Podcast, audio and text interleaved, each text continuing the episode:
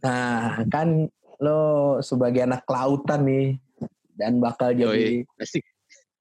doktor di bidang kelautan kan keren nih.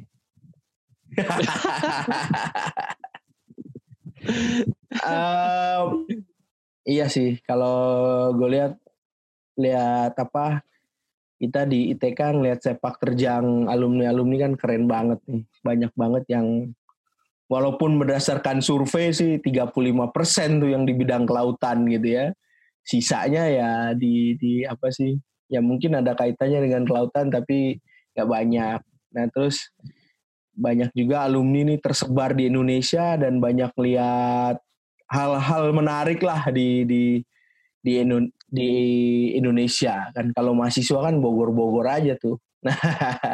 Nah menurut lo sendiri nih di laut Indonesia nih yang pernah lo lihat yang paling ya berkesan buat lo di mana tuh Ram?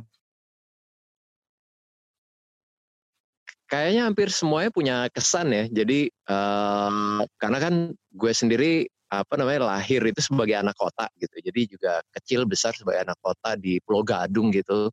Pulau Ya, juga. daerah.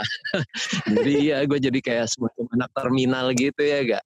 Iya, iya, Jadi iya. kayak ngelihat laut tuh selalu bikin gue apa namanya bikin selalu amazed gitu. Jadi kayak eh jadi bahkan kalau bisa dibilang kan gue sampai lulus SMP gitu ya. eh eh sorry, pas gue gue baru belajar berenang itu pas SMP dan Hmm. ketika apa namanya dan ketika gue SMA itu karena full day school jadi gue nggak ada berenang-berenang tiba-tiba berenang lagi pas masuk ITK gitu pas masuk Hmm. kuliah gitu Hmm, di Nah, TW lagi ya. jadi dan iya jadi di apa namanya tapi kemudian gue pas pertama kali kita ke laut gitu LPT-nya FDC gitu dan itu emang luar biasa banget kan jadi eh, ya apa ya memang memang mungkin gimana ya mungkin itu kayak sesuatu yang kalau lo jatuh cinta kan jadinya kayak apa pun kondisinya lo seneng-seneng aja gitu jadi lo Iya, pa- iya. apa passion banget gitu lo ngerjain hal itu dan itu yang kemudian gua bawa yang yang apa ya yang bukan gua bawa sih yang terjadi apa di selanjutnya gitu jadi eh dulu kita inget lah apa namanya ekspedisi ke Belitung Timur gitu Hmm, Belitung iya, betul, Timur betul. Bo sebelum apa namanya sebelum ada apa ke Belitung gitu kan Iya, sebelum iya. kita ada Laskar Pelangi ya. Pelangi, kita udah di dari situ ya gak? Iya iya benar Tuh, benar. uh, ngeliat gitu dan kemudian uh, ke ujung barat Indonesia gitu ekspedisi Nah, ke Sabang gitu Sabang, karena gue ya. cukup beruntung ngalamin dua kali ekspedisi gitu Hmm, benar benar. Uh, jadi apa namanya uh, jadi memang uh, tunggu sebentar Kabur anak lo. jadi memang apa namanya eh dia mau main monkey bar oke Oke. Halo. ya jadi ya apa latar belakang gue ada lentera lagi Nggak kan. apa-apa. Aman aman aman. can you one round more oops alrighty ya jadi kemudian eh akhirnya gue belajar untuk bisa melihat perbedaan-perbedaan dan keunikan masing-masing tempat kan Hmm. dan uh, seiring dengan apa namanya uh, ininya setelah pasca kuliah akhirnya bisa mengunjungi banyak-banyak tempat dalam rangka pekerjaan berarti dan itu gue juga ngelihat sekali kalau Indonesia itu nggak ada matinya gitu kalau perihal Hmm. laut gitu uh, Lo, lo bisa ini nggak? ya, jadi Bisa ceritain nggak sedikit misalnya kayak Belitung itu apa yang kesan buat lo terus di Sabang terus tempat-tempat lain lah kira-kira. Eh, kalau misalnya kayak Belitung itu dulu statusnya adalah ya kita apa namanya gue tuh baru baru baru belajar selesai belajar scuba dan kemudian kita mencoba melakukan ekspedisi ilmiah.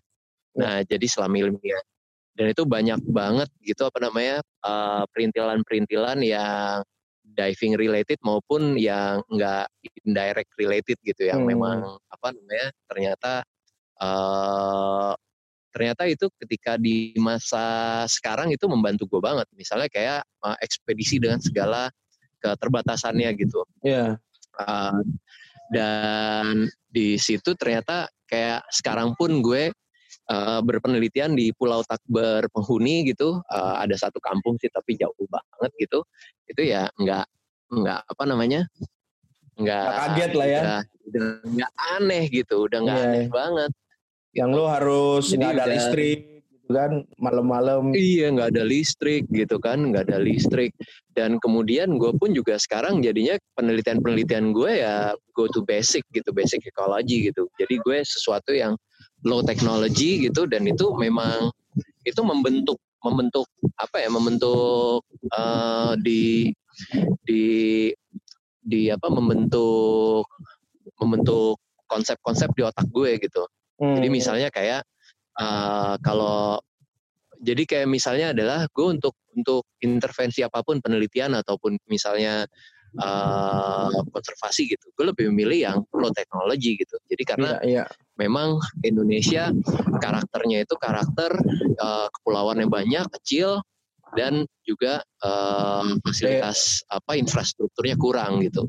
Dan daerahnya Jadi luas lu, banget ya. Apa, uh, dan luas banget gitu dan kita masih banyak banget gitu informasi yang bolong-bolong gitu. Uh, nah itu misalnya kayak sekarang gue ada di apa penelitian gue di Pulau Hoga gitu, uh, itu ini banget apa namanya terlatih banget dengan ekspedisi apa eh, ekspedisi zaman kuliah di PB dulu gitu. Mm -hmm. uh, makanya dalam di, planningnya sekarang, dan juga sekarang tuh di ITK sendiri tuh mahasiswanya ada ekspedisi juga ram. Oke, okay. iya iya itu bagus. Bagus. Jadi ya karena dari pengalaman kita kita juga sih bahwa itu apa membantu banget dalam kemandirian gitu ya kerjasama dan lain-lain. Aha, aha, iya benar. Gitu. Itu uh, apa namanya? Uh, apa ya? Memang karena pengalaman itu ya memang harus didapatkan dari pengalaman sih gitu. Jadi iya, iya. nggak iya. bisa diajarin di kelas gitu. Betul, uh, betul. Dan kemudian kita baru menyadari kekurangan-kekurangan itu setelah kita melakukan kan. Gitu. Betul. Jadi ya uh, ya memang apa namanya pengalaman di lapangan itu nggak ada ada nggak ada gantinya sih. Benar benar. Dan kalau lebih cepat kita ngalamin kan. Sebentar. Kenapa sih? Oke. Oke, dia ternyata bisik-bisik, kita boleh pulang nggak rumah? Dia, capek. pulang gitu sambil. Oke oke.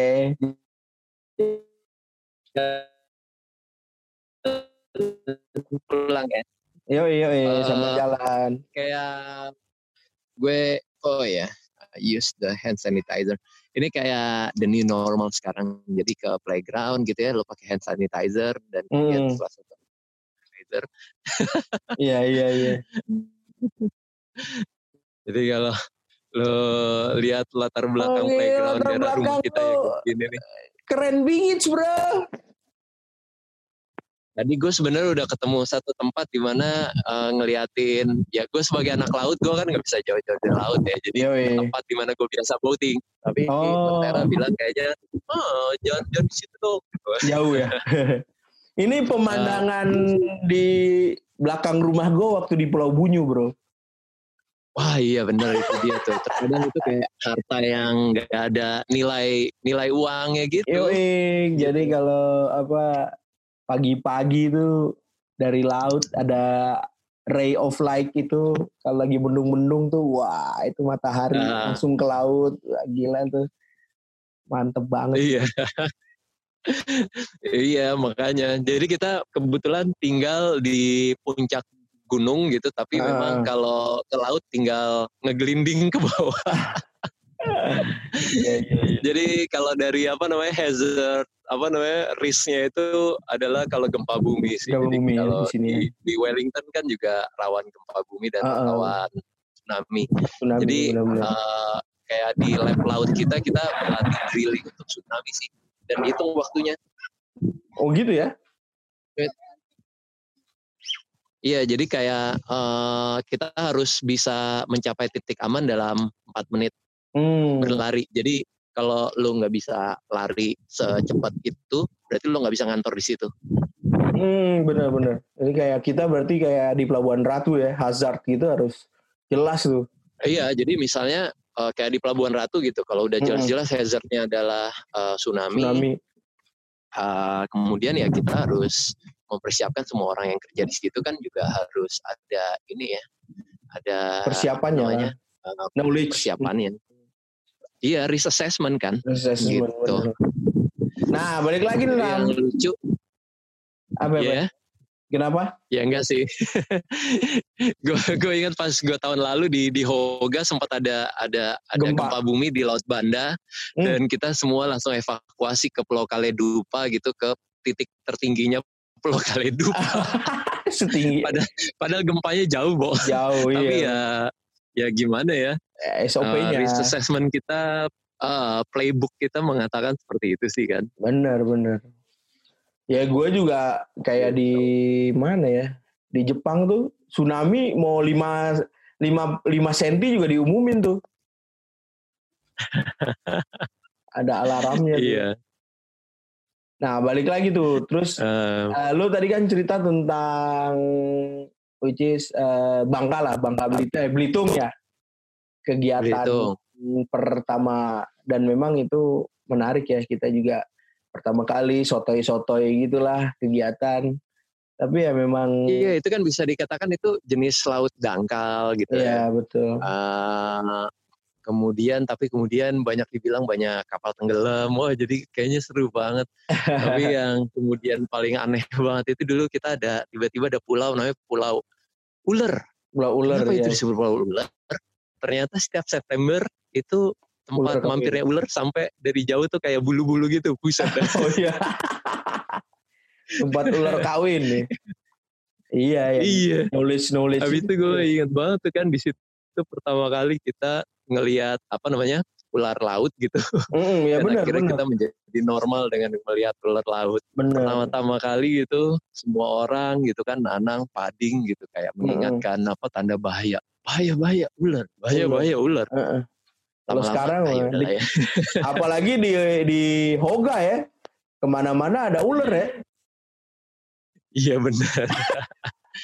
ya kalau Sabang itu gue ingetnya adalah itu pertama kali memang uh, tempat di mana gue encounter sama hiu dan hmm. itu juga dari sebelum-sebelumnya kalau put in the context Sabang dulu tahun 2000 berapa ya 2000 2004 2003 2004 2004 ya 2004 ya apa Jadi ya. dia pengetahuan kampanye akan hiu itu belum seperti sekarang lah. Jadi masih yeah. masih takut kita sama hiu. Mm-hmm. Tapi kemudian ya itu juga yang membuat gue jadi kayak apa namanya? Oh hiu, oh hiu is cool gitu biasa-biasa aja gitu artinya malah seru gitu dengan hiu. Mm-hmm. Jadi ya seperti itu sih. Uh, ya kemudian ya perjalanan pasca lulus yang membuat keliling-keliling Indonesia gitu yang kayak gue bilang memang Indonesia nggak ada matinya lah tentang laut gitu jadi gue udah benar-benar ngerasa apa namanya uh, lahir dan menjadi warga negara udah paling bener gitu untuk menjadi marine biologist gitu. Bener-bener bro, gue juga dulu pilih kelautan gara-gara gue ke Derawan bro, kelas 2 SMA, 2 SMA nggak salah. Dan oh, gila ya ya keren banget gitu. Walaupun gue tinggal di Pulau Buyu kan which is memang laut iya. juga gitu. harusnya standar lo kan tinggi yo Kalau gue kan standar gue rendah orang gue anak Pulau Gadung. Makanya pertama kali field trip ekolatrop tuh ngelihat Pulau Pari, gue sedih banget tuh. Ya elah, begini banget di sini. Dan itu habis ini kan apa bleaching gitu 97 tuh. Jadi karangnya kayaknya lagi suffer gitulah. So, nah, oh. ini uh, kalau pesen lo nih buat anak-anak kelautan nih, orang-orang yang baru belajar kelautan tentang uh. nah, itu kira-kira kaitannya dengan apa ya alam Indonesia ini gimana nih Ram? Wah gila alam Indonesia itu ini banget ya apa namanya laboratorium hidup yang gila besar dan unik banget gitu. Jadi apa pun yang ada di halaman lo tuh uh, itu menarik. Gue nggak pernah bisa membayangkan kalaupun kita kayak main ke Pelopari gitu ya. Sekarang gue ngelihat Padang Lamun gitu itu udah berbeda gitu. Dan itu tempat di mana lu bisa melihat ada hewan-hewan yang punya daya tahan lebih terhadap uh, kondisi ekstrim, suhu, salinitas ekstrim kan di yeah. daerah apa namanya intertidal. Yeah. Dan lo kalau belajar apa namanya fisiol apa metabolisme hewan-hewan itu itu gila banget gitu apa namanya nggak banyak banget yang yang yang bisa dilakukan gitu. Dan cuma ya yang perlu kita lakukan lakukan adalah emang go out there dan kita memang apa uh, melakukan penelitian itu dengan dengan dengan sepenuh hati gitu. Karena memang kalau lo nggak passionate gitu itu jadi kayak capek atau memberatkan gitu. Tapi kalau lo tahu apa namanya tujuan akhirnya dan memang uh, lo seneng gitu ya ya membuat itu menjadi lebih lebih punya makna lah gitu cuma lu di mana pun di Indonesia gitu itu apa namanya uh, gila banget deh informasi yang bisa didapatkan gitu. Jadi ya dengan kita kondisi kita unik banget kan lautnya gitu kayak gue bilang kita udah jadi warga negara negara yang udah paling bener untuk jadi marine biologist. ya itu lo jangan menyia-nyiakan itu deh gila lo jadi kayak ya lu mungkin lu bisa tanya sama siapa pun yang pernah berinteraksi sama orang luar gitu ya orang luar Indonesia. Itu mereka ngiri abis untuk mendapatkan posisi kita gitu untuk bisa melihat hal itu gitu. Uh, karena ya apalagi di bidang di bidang kita gitu di bidang biologi itu uh, posisi kita tuh memang sangat ini ya sangat apa namanya sangat uh, signifikan dalam ilmu perkembangan ilmu pengetahuan gitu. Jadi uh, karena kan Indo-Pasifik sendiri itu memang diketahui yang apa biodiversitas paling tinggi di dunia yeah. gitu uh. secara region. Nah, kemudian di dalam uh, region Indo-Pasifik lo ada coral triangle gitu yang kayak sebagian besarnya itu adalah wilayah Indonesia. Indonesia benar. Jadi bener.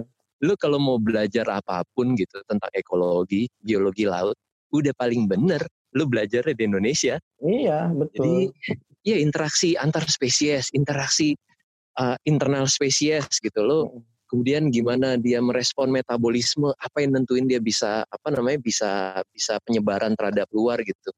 Ya lu eksperimennya di Indonesia, men. Gitu. Tempat lain Jadi dan, belum menjawab dan tadi ya. gitu kayak Iya, jadi semua banyak pertanyaan-pertanyaan ekologi yang ada gitu, pertanyaan-pertanyaan besar gitu. Kenapa sih ini bisa seperti itu gitu? Kenapa ini bisa seperti ini gitu? Hmm. Itu semua kayak gue bilang laboratoriumnya di Indonesia. Tapi memang challenge-nya kita ya. challenge-nya kita iya, ya. gitu. Sejauh mana kita mau tadi lo bilang ke lapangan melihat fenomenanya gitu ya dan mencari apa pertanyaan-pertanyaan yang ada di situ gitu kan. Iya dan maksudnya nggak perlu harus canggih-canggih kok. Jadi kayak lu mengukur misalnya uh, sekarang pertanyaan paling besar gitu. Bagaimana kita uh, apa namanya makhluk makhluk hidup menghadapi perubahan aliran iklim gitu. Ya. Met, ya tentunya kan lo harus melihat perubahan.